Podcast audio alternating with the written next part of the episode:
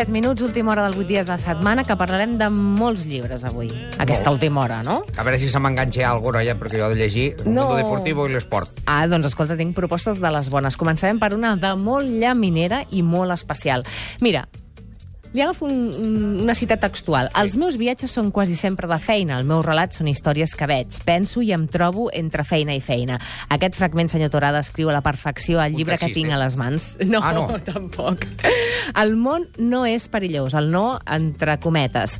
Molts successos de diferents llocs del món narrats per un periodista, també empresari, Francesc Xavier Gual. Llimós, molt bona tarda. Hola, molt bona tarda. Gràcies per fer aquest llibre. Gràcies a vosaltres per dir-ho i convidar-me. Molta envejeta, perquè realment t'has fet un fart de viatjar. El món no és un lloc perillós. Molta gent creu que el món és perillós. Per què tu trenques aquest mite? Bé, jo ho sostinc perquè, primera, com molt bé has dit, el no el poso entre parèntesis, perquè evidentment és la meva opinió uh -huh. i és una cosa que per descomptat pot ser debatuda. Fins i tot, quan vaig tenir el títol escollit, vaig veure que algú com l'Albert Einstein pensava el contrari, aleshores hi vaig posar el parèntesis perquè de veritat que em van tremolar les cames, no? Ara, eh, seriosament, jo després de voltar a més de 50 o 60 països, m'he trobat que eh, no hi ha aquests perills que ens expliquen. Sí que és evident que si engeguem la televisió, que si posem les notícies, veiem que les coses estan dures i complicades per molta gent. Uh -huh. eh, esclar, on hi ha guerra, on hi ha enfrontaments, però des del meu punt de vista, des, després de tenir solidaritat amb tota aquesta gent que ho estan passant malament, el món és com viatjar amb avió. Quan uh -huh. cau un avió tots ens alarmem, però jo us puc assegurar que amb tots aquests viatges per feina que he fet, jo no m'he trobat mai en una situació de perill o no m'he trobat mai amb cap problema greu per la meva integritat. Aleshores, jo constato que el món d'arran de terra no és de cap manera perillós, almenys el que jo m'he trobat. Deixa'm que posi matisos, sobretot per la manera de viatjar, perquè no viatges com un turista normal, trenques molt els circuits, i d'altra banda, alguna situació que ja explicarem. déu nhi també. Hi ha un altre fragment, senyor Turà, que m'agradarà compartir amb tots els oients. És, és cert, m'enamora el món i les seves variacions, la diversitat. I a partir d'aquí obrim tot un ventall, perquè viatges per feina, creus que has descobert molt més entrant en aquest entremat empresarial que si fos només com a les ulleres d'un turista? Evidentment que sí. Jo, mireu, quan vaig tenir el llibre acabat, un bon amic, l'Albert Bosch, que, que és un, també un viatger, viatger des del punt de vista aventurer, em va fer el pròleg. I ell ho va saber explicar molt més bé que jo. Eh, quan viatgem per turisme, i jo també faig viatge turístic, nosaltres veiem el món. Mm -hmm. En canvi, quan la forma de viatjar que tenim, els que ho fem per feina, d'una forma regular i intensa, el que fem és vivim el món. Ara. Correcte. I Correcte. aquesta és una clau per mi essencial. A més a més, el fet de viatjar per feina i viatjar sola et trobes que tens amics, coneguts a qualsevol lloc del món. I aquesta gent, per mi, és la clau. Són els que et fan viure o veure aquells llocs que normalment, quan fem el turista, és com si viatgéssim seguint unes línies eh, imaginàries del museu a l'hotel, de l'hotel al restaurant que ens han recomanat i, a més a més, mirant de veure moltes coses durant un dia. En canvi, viatjant per feina et trobes que tens de cop i volta una tarda lliure sense haver programat res. I a partir d'aquí és quan comencen a passar coses. Passar coses vol dir asseure's a costat d'un pedrís i trobar-se dos senyors de Casa Blanca que potser no parlen cap idioma, però que automàticament comences a interrelacionar-te amb ells. I, a més, descobreixes que la diversitat és només aparent, aparent i prou. Correcte. A més a més, és molt, molt, no, molt interessant el que deia, de deixar l'autocar, agafar un taxi, per exemple, de qualsevol ciutat del món, que els taxistes són els millors guies. Sempre, sempre. Jo tinc un amic a Madrid que no para de fer rutes, amb, el, bueno, les fa més baratetes i li fa, jo, jo els ensenyo el mateix i a meitat de preu de lo que fan a vegades unes altres rutes més cares. Però a vegades t'has d'enfrontar doncs, amb diferències d'idioma, amb diferències d'entesa, de mentalitat, de moltes coses que també estan en aquest llibre El món no és un lloc perillós quan ets lluny, la llunyania és casa teva. Dius que no sóc un aventurer ni un irresponsable, però sempre he relativitzat aquests comentaris.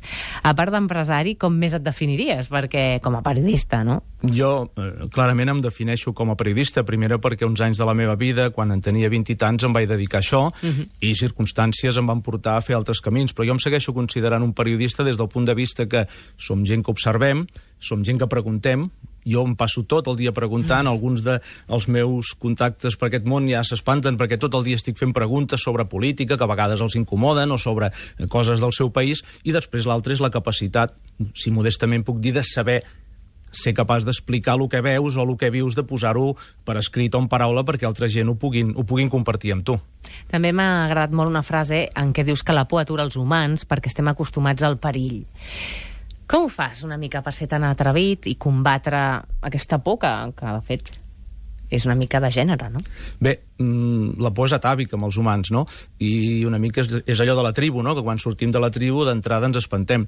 Eh, la primera cosa que m'ha ajudat és que, òbviament, no sóc el mateix ara, després de portar més de 20 anys viatjant, que al principi, no? Una cosa que també m'ha ajudat és el fet de viatjar sol eh, jo entenc que si qualsevol de nosaltres viatja amb la família o viatges, mm, en el meu cas, amb el meu fill, quan era més jovenet, doncs tens aquell sentit de protecció. Jo us puc dir que a llocs on he provat d'anar, que em semblaven llocs de risc, jo no hi hagués anat amb el meu fill o amb algú del qual jo me'n sentia responsable, però com que normalment acostumo a viatjar sol, he corregut aquest risc sent conscient que la vida, si vols assolir coses o vols veure coses, has d'arriscar, però al cap i a la fi no ha passat res, no ha passat absolutament res. No hi ha hagut cap risc i he pogut experimentar pues, entrar en un carrer fosc que semblava que allò era un perill uh -huh. i a lo millor hem acabat a casa d'un senyor de Marroc menjant un cuscús fantàstic i passant-s'ho molt bé fins a altes hores de la nit. Ara no que feies de ficar cara de xulo? Jo a vegades, jo me'n recordo, sí, és veritat, jo me'n recordo la, quan, quan era jovenet que vaig venir aquí a Barcelona i passava per aquí, el, per aquí el Raval i em pensava, que tenia una por perquè et deien totes aquelles coses i vaig pensar, calla, fica cara de, de, de xulo, de perillós. No, no, no fas aquesta tècnica, no la feia servir? Mira, sembla que, que coneguis coses de mi, perquè sí que ho faig quan vaig a aquests mercats, a les Medines, em poso unes ulleres de sol i poso una cara una mica seriós, perquè si no et trobes que Clar. al cap de travessar un mercat d'aquells eh, surts amb el braç penjat de tota mena de mitjons i roba i coses, no? Ara, el més important és, és acostar-s'hi, eh, deixar-se portar per eh, una mica eh, la poca reserva de cara a gent que vesteix, fa i parla d'una manera diferent. I quan fas això comencen a passar coses. Clar. I no miro de marcar distàncies, justament és el contrari. Miro de, que, de tensar-me la gent i una cosa que ja fèiem amb les nostres àvies, que és que tot el que et donguin per menjar, menja tu. Clar. I cauen barreres el que, el que passa l'endemà, llavors és millor no explicar-ho, eh? però jo aconsello menjar tot com a forma també d'arribar a la gent, sobretot en aquests països on la gent fa molta vida al carrer, oi? Eh, països com Marroc o com la Xina, per climatologia o per hàbit, el que fan és fa molta vida al carrer i això també facilita molt més el contacte, perquè si surts a Barcelona un dia d'hivern a les 11 de la nit, potser no trobes ningú amb qui xerrar, no? Cosa que a Xina o a la Índia no passa mai. Ara anirem cap a Líbia. No m'ha de dormir sota cels de mil estrelles, camina, camina, camina, cara a la por no hi té lloc i a poc a poc el meu món s'omple de tu. A poc a poc el meu món balla dins d'alguna caima que tu deus tot el viatjar. Sahara aquí, Sahara allà. És un món a les butxaques i el rostre hi bull l'esperança. Un quart de set de la tarda al costat de Francesc Xavier Gual amb aquest llibre sobre la taula El món no és un lloc perillós. Molts dels llocs que has visitat són llocs poc freqüentats per turistes i que gairebé a vegades ningú coneix, com per exemple Misrata. Què recordes d'aquesta ciutat? Bé, jo tinc dos records d'aquesta ciutat. Mm, el primer és una zona industrial, un lloc amb aspecte desèrtic, amb palmeres, amb algunes indústries, eh, entremig de les dues ciutats més importants de Líbia, on hi vaig anar jo per fer feina i on vaig trobar una sèrie de gent que tenien unes inquietuds similars a les meves, que es dedicaven a, eh, al sector industrial on jo treballo. Aquest va ser la primera impressió, el primer impacte. És dir, gent normal, com qualsevol de nosaltres, que fan feina. Mm -hmm. Has fet viatges a llocs d'en conflicte just abans que comencessin les revoltes. Com et sents una mica després quan veus tot el que has vist i tot el que s'ha destruït que ja no podràs veure mai més, per tant? Jo la primera cosa que, que penso és amb, justament amb les persones que he conegut allà, perquè... Eh... El noi de la gorra vermella d'una marca que no recordes. Ara, per exemple, recordo... Que estava, mm, sí, perquè, per exemple, un noi eh, subsaharià que estava treballant a Líbia, mm. imaginem-nos que la gent de Líbia, i més ara, s'escapen per venir a treballar a Europa, i en canvi, imaginem-nos un noi sub saharià que està treballant fent carreteres a Líbia. Uh -huh. Imaginem-se per un moment quina feina o quin, quin tipus de vida pot tenir una persona treballant eh, en unes condicions tan dures com aquestes.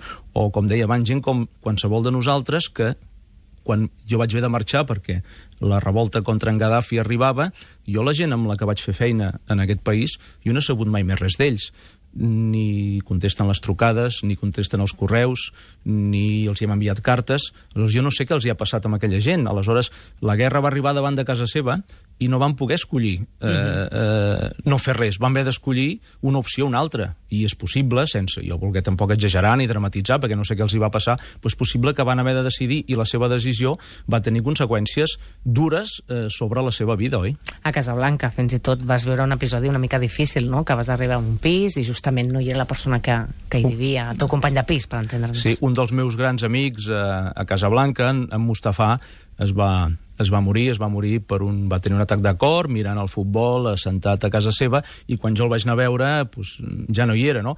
I en aquell moment jo vaig recordar una mica un dels missatges que jo pretenc transmetre amb el llibre, que és que anys enrere, quan el vaig conèixer, era un senyor de metro, metro 90, amb una xilava, amb la pell fosca, eh, parlant una barreja d'àrab i francès, anar barrejant els inxalars amb el bon dia, i jo me'n recordo que anava pensant, em fotrà aquest? Me'n puc enfiar d'aquesta persona? Quan l'única cosa que em feia temença era que el seu aspecte i el seu llenguatge corporal era completament diferent al meu.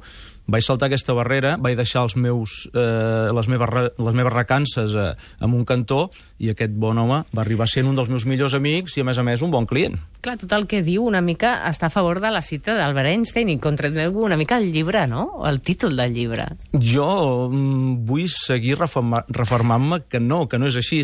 Com ja hem dit, l'he posat entre parèntesis sí. per obrir el debat, però això és com, mm, reitero, com quan cau un avió. És molt dramàtic, òbviament. Ell, per exemple, per als avions, va viatjar als Estats Units a l'11S, estava en un avió, en un avió volant a Hanover, oi? Sí. És que clar... És que, és que, és que ho busque, clar, si és que... Bon, té raó, que també si ho diu això és que té raó, perquè jo veig que s'està ficant en cada situació... Quan arribes a l'aeroport, què penses? Sí, però jo vull dir una cosa al respecte d'això, Mireia. Jo, per exemple, aquesta por que tenim al món, jo el primer l'he hagut d'anar corregint i per això he posat aquest títol, perquè jo arribo a Mèxic, arribo al, a la capital de Mèxic, al DF 15 milions de persones, baixo de l'avió, agafo un, un taxista, els grans psicòlegs que t'informen i que t'expliquen com és aquell país, i mm, a pocs metres, jo diria que un parell de quilòmetres només, hi havia un foc en una muntanya. I mm. la vaig preguntar, mm, què és això? I em va dir amb aquell accent mexicà que jo no sé, que, que, que jo no sé imitar, em va dir no se preocupe, senyor, és sol un volcán. Aleshores, ho hem de relativitzar tot. Un volcà és una cosa que ens alarmaria molt i, en canvi, a Mèxic, el DF és una cosa el més normal del món. Jo penso que aquest és el punt clau, que nosaltres ens mirem les coses des de la nostra òptica d'aquí, occidental, i que les seves òptiques són similars, però aprenen a relativitzar coses que nosaltres no tenim. Si et poses en el context, et poses en el context en el que vas, segur que les coses aniran millor? Una miqueta. És veritat que vostè té un punt psicòleg, eh? Sí, home, nosaltres fem, fem feines de, de tot. O sigui, els, els barmans i els, i els taxistes són dels grans psicòlegs que hi ha en aquest món.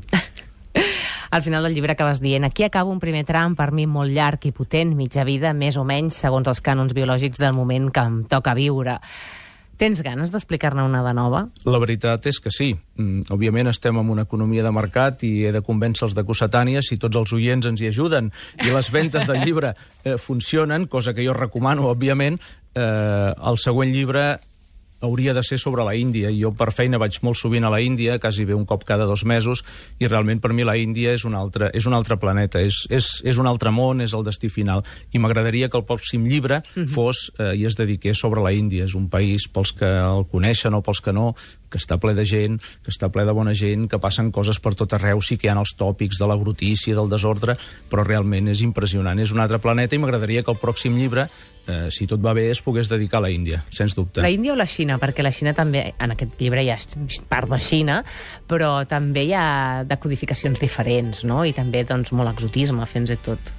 Certament. Eh, la Índia i la Xina són, a nivell d'aspecte, d'hàbits i d'actituds, són molt i molt diferents. Tinguem en compte que que la, la gran diferència, mirat des d'aquí, que la Xina, la gent no està tan concentrada com pot semblar en quant, en quant a la Índia. Uh mhm. -huh. La Xina és una economia i un govern que no deixa de ser una pseudodictadura, aleshores les coses estan més endreçades. En canvi, a mi a la Índia aquell desgavell simpàtic i divertit que hi ha realment és una cosa que, que m'atreu moltíssim. I és per això que, després d'haver voltat per Àsia, la Índia és on, on a mi m'atreu. Si ara em diguessis on podem marxar aquesta tarda, jo que faria un avió, amb els que em volguessin acompanyar, me n'aniria cap a Nova Delhi, sens dubte.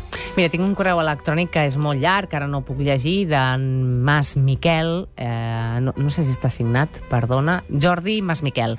Doncs et sembla que li regalem un dels exemplars dels llibres que ens has portat cap al Jordi perquè ens explica una història molt bonica de la seva mare i espero que ell li faci arribar a la seva mare les línies que hi ha en aquest El món no és un lloc perillós. Absolutament, encantat de fer-ho, eh? Moltes gràcies. Una abraçada, Francesc. Gràcies, fins una altra, moltes gràcies.